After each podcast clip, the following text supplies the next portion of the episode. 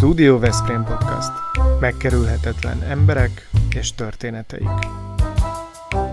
Diósi Lászlóval és Weber Lászlóval. Mi tényleg a valóságról beszélgetünk.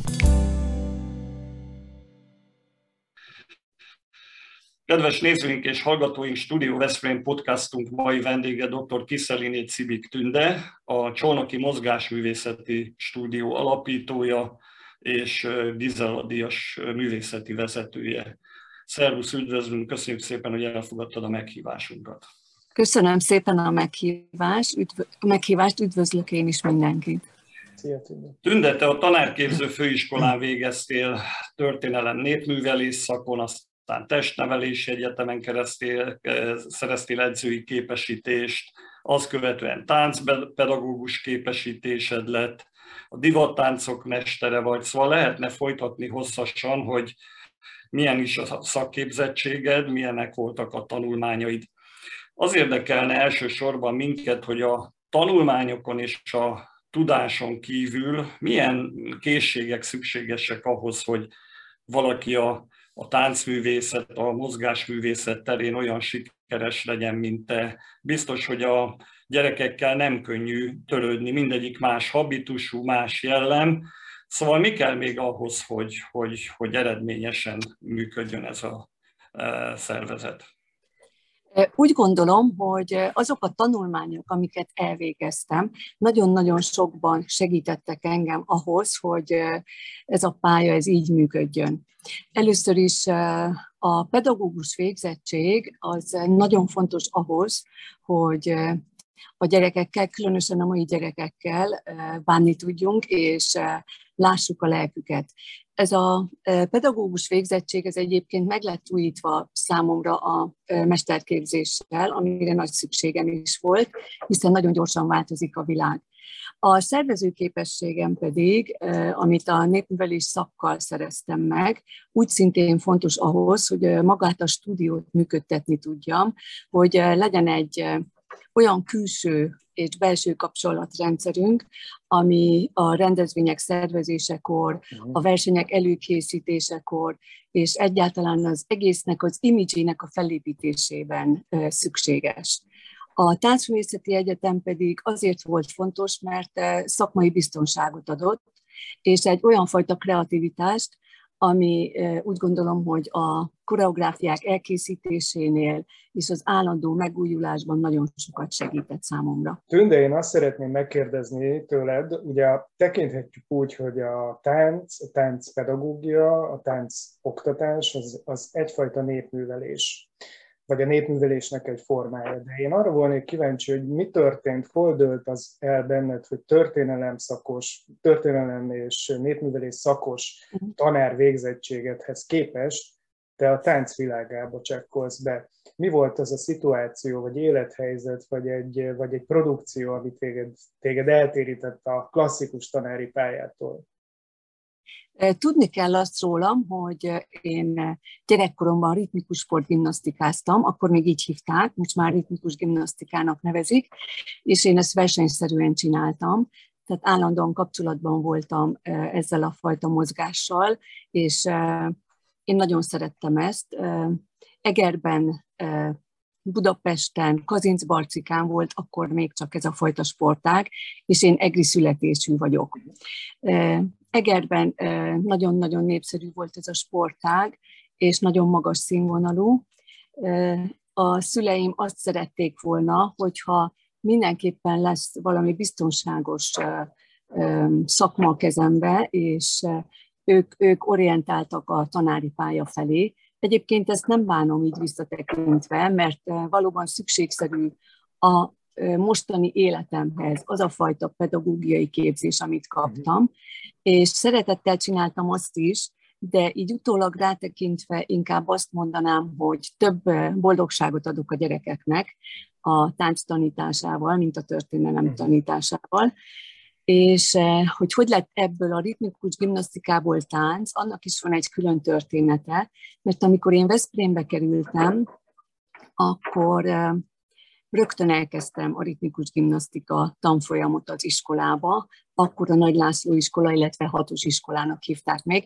Tehát a hatos iskolába pályáztam, történelmi népművelés szakos tanár voltam, és ott rögtön elindítottam egy tanfolyamot a ritmikus gimnasztikával, de aztán eh, sajnos eh, történt egy pár olyan csalódás ebben az egészben, hogy eh, mégiscsak másként határoztam, mert az akkori úttörőházban hirdettek egy megyei ritmikus gimnasztika versenyt. És mm. én akkor mint népművelő kapcsolatban voltam ezekkel az intézményekkel, így aztán én is neveztem erre a versenyre. De képzeljétek el, hogy kiderült, hogy nem mehettünk erre a megyei versenyre, mert a, aki ott tanított, az a hölgy azt mondta, hogy ez az ő versenye, és az ő megyei tanítványai vesznek részt benne. Most most rajta, de, de akkor azért ez nem volt olyan egyszerű. És akkor ebből a csalódásból kifolyólag úgy gondoltam, hogy akkor nem csinálok ilyen ritmikus gimnasztikát Veszprémbe, hanem megpróbálom ezt egy színpadi műfajjá átalakítani, azt a fajta tudást, amit én gyerekkoromban ezzel a képzéssel kaptam. Uh-huh. Tehát így indult el ez a folyamat, ami aztán a későbbiek során főállású táncpedagógussá tett, mert tulajdonképpen én reggel héttől este kilencig az iskolában voltam, és tíz éven keresztül ez, ez elég megerőltető volt, úgyhogy nem lehetett már egy fenékkel két lovat megülni. Én még mindig visszanyúlnék ezekhez az engem izgató készségekhez, meg attitűdökhöz. Nekem van jó néhány olyan ismerősöm, akiknek a gyermekét te tanítottad és érdeklődtem természetesen, hogy mit kell tudni Tünde néniről, mit kéne kérdeznem tőle. Hát rögtön mindig az volt a válasz, hú, a Tünde néni az rettenetesen szigorú, az olyan kemény, mint a vídia. Hogy működik ez a dolog? Mindenképpen ilyen, ilyen határozottnak és ellentmondás nem tűrőnek kell lenni. Ugyanakkor meg olvasom a honlapotokon, hogy a szín, hogy a gyermekek munkáját jellemzi a fegyelem, amely nem felülről vezérelt, hanem a tevékenység által alakul ki. Na most akkor fölülről vezényeljük a gyereket szigorúsággal, vagy, vagy valahogy ő rá, ráragad ez a, ez, a, ez a szituáció?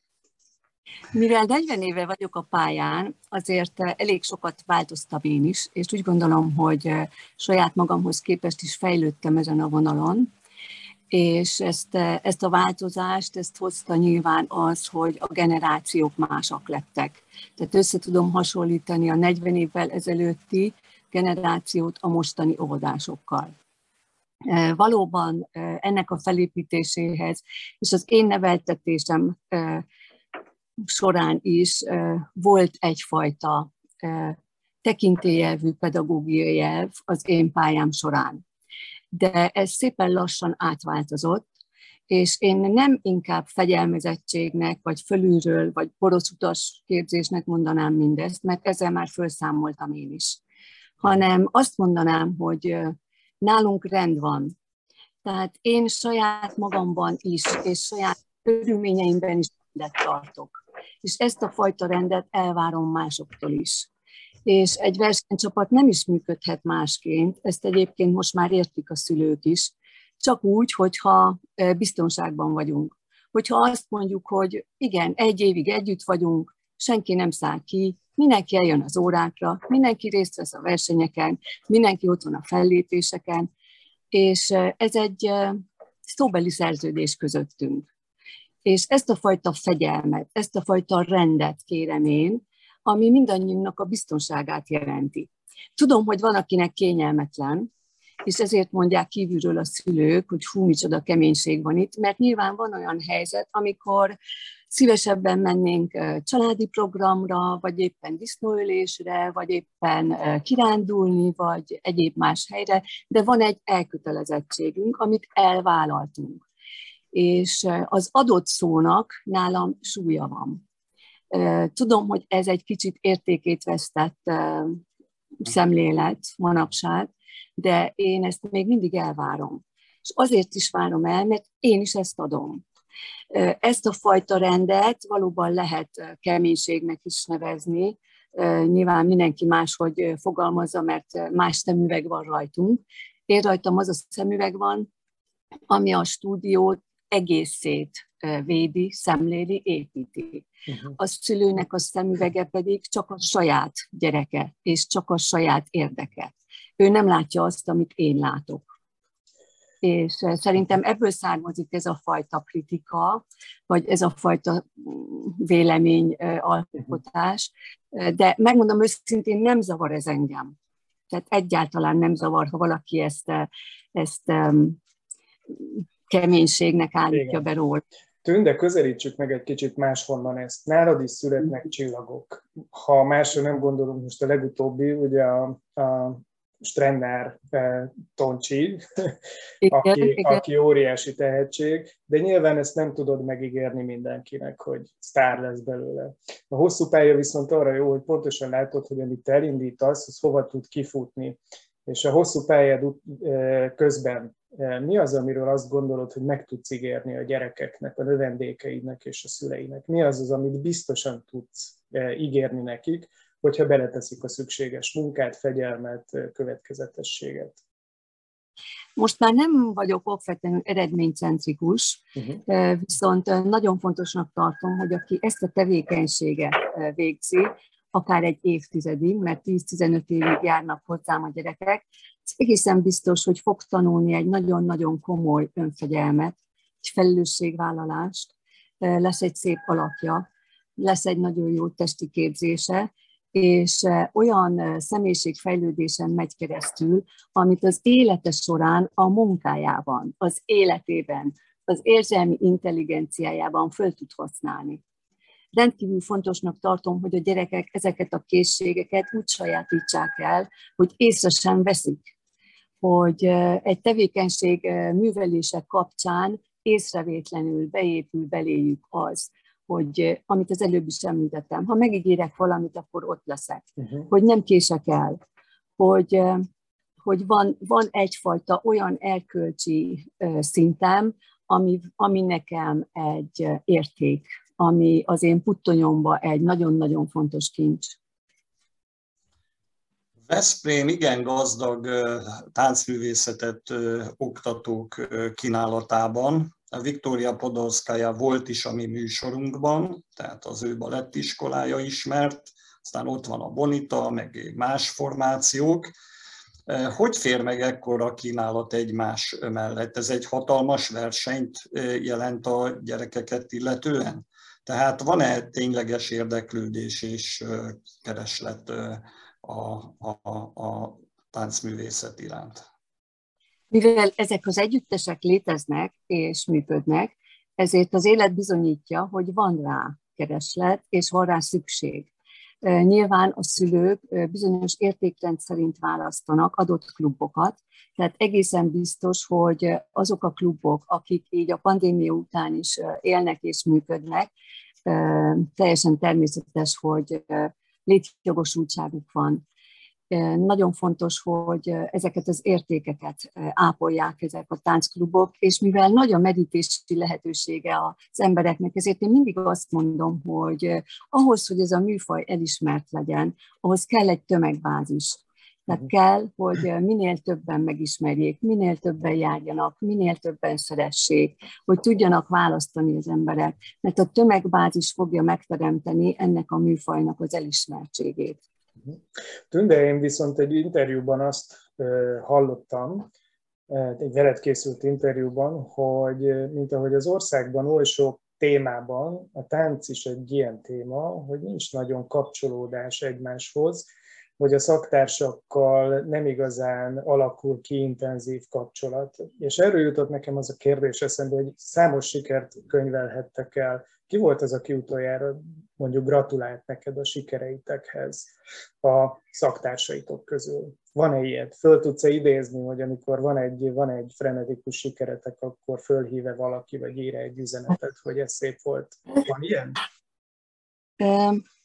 Inkább úgy mondanám ezt, hogy nyilván vannak bizonyos klubok, akik egymással jóban vannak, uh-huh. ez személyes kapcsolatok során alakul ki, de ezt egy kicsit ilyen magyar sajátosságnak gondolom, hogy rivalizálás megy, féltékenység, irítség, tehát valóban ez létezik itt Veszprémbe is közöttünk, és nincs, nincs igazából élő kapcsolat.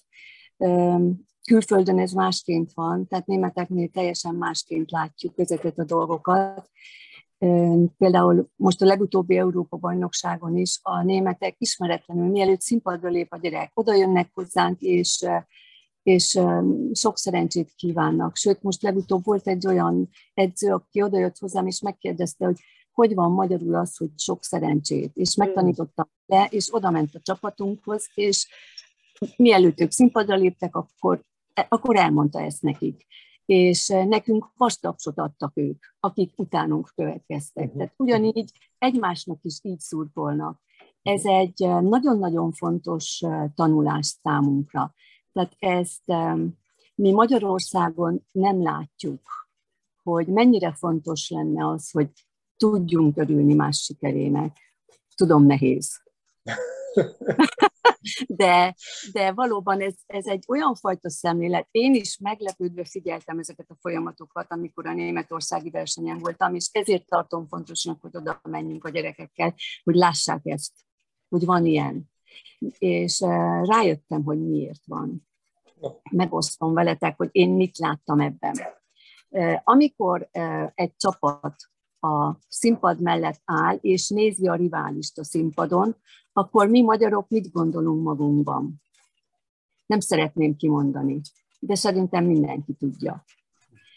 A németek lehet, hogy ugyanazt gondolják, de másként viselkednek, de valószínű, hogy nem gondolják ugyanazt, hanem tapsolnak, éjjeneznek, magukat fölenergetizálják, tehát egy olyan energiával látják el saját magukat, hogy amikor ők a színpadra lépnek, akkor ők toppol legyenek. Uh-huh. Hogyha én irigy vagyok, hogyha én féltékeny vagyok, hogyha én rosszat gondolok, milyen lesz az energiaszintem? Hogy fogok föllépni a színpadra?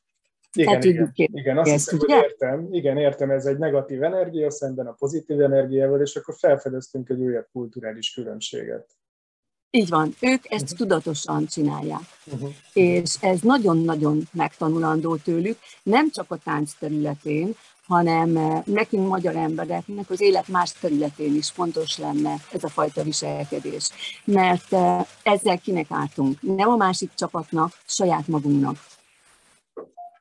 Értem. A technikai körülményeknek is nagy jelentősége van egyébként. Eh, van ebben eltérés a külföldi lehetőségeket és a hazai viszonyokat illetően. Bár, bár úgy nincs. tudom, hogy ti most jobb helyzetbe kerültetek azzal, hogy az EKF Budapesti úton ott egy, egy ilyen multifunkcionális tánctermet bocsátott rendelkezésre, illetve biztosított.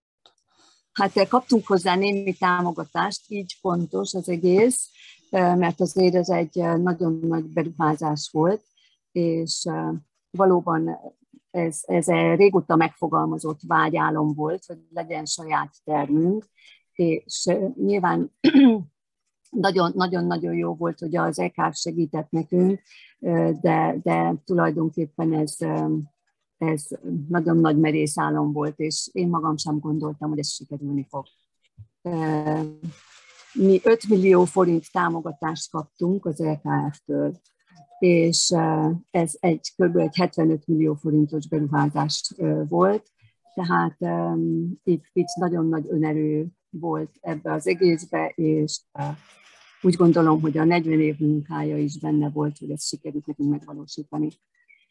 Visszatérve a kérdésre, tehát a körülményekben nem látok nagy különbséget a magyar és a német körülmények között, viszont a munkához való hozzáállásban igen, és abban is, hogy hát, hogy is fogalmazom, tulajdonképpen minden pontos, precíz. Megint visszakanyarodunk ahhoz, amit én képviselek. Rendhez, a rendhez. Igen.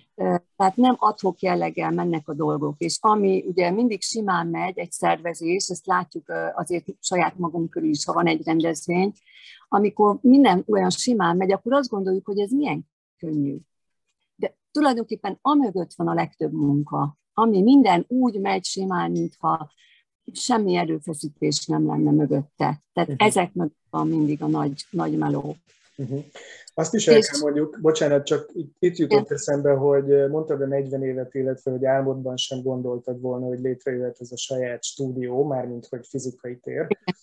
Igen. De hogy tulajdonképpen ti az egyik legsikeresebb veszprémi civil szervezet is vagytok az alapítványjal, hiszen ugye ez az egész rendszer egy alapítvány keretei között zajlik, és hát azért ezt is említsük meg, hogy a civil kurázsi az, az, az nyilvánvalóan kellett ahhoz, hogy, hogy ez az óriási önerővel létrehozott bázisotok kiérdemelt jutalma legyen annak a 40 évnek, ugye? Jól gondolom, hogy a civil Így van, ez, ez nagyon jó meglátás, igen, mert valóban itt egy olyan szülői háttér van, egy olyan nagy összefogás, uh-huh. mondhatnám úgy is, hogy egy, egy nagy család, akik segítik ennek az egésznek a működését.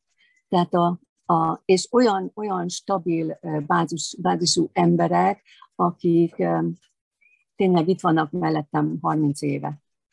Tehát beíratták a gyerekeiket, a gyerekek kiröpültek, és ők azóta is itt vannak az anyukák, apukák tánccsoportba, és, és segítik ezt a munkát. Tehát ez egy, hát több, mint barátság.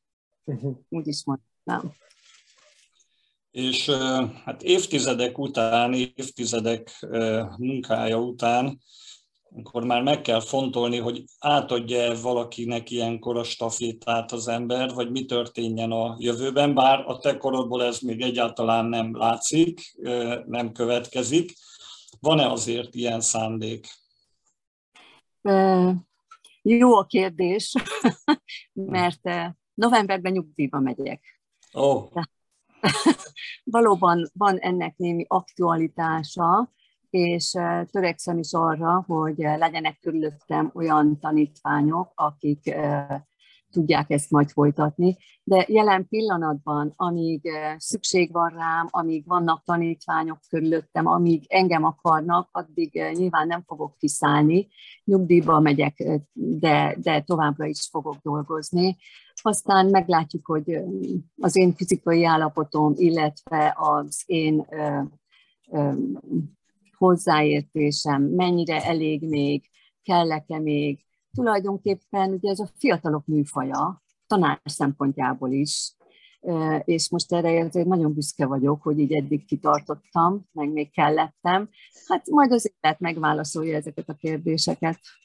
Én viszont egy személyes, így lassan a vége felé járunk a beszélgetésnek, úgyhogy megengedhető talán már egy ilyen személyesebb jellegű kérdés is. A férjedet egy tízes skálán táncosként hogyan osztályozod? És egyébként folytatódik a kérdés, hogy majd ez a pontszám, ez mennyiben járul hozzá a ti rendkívül hosszú házasságotok sikeréhez?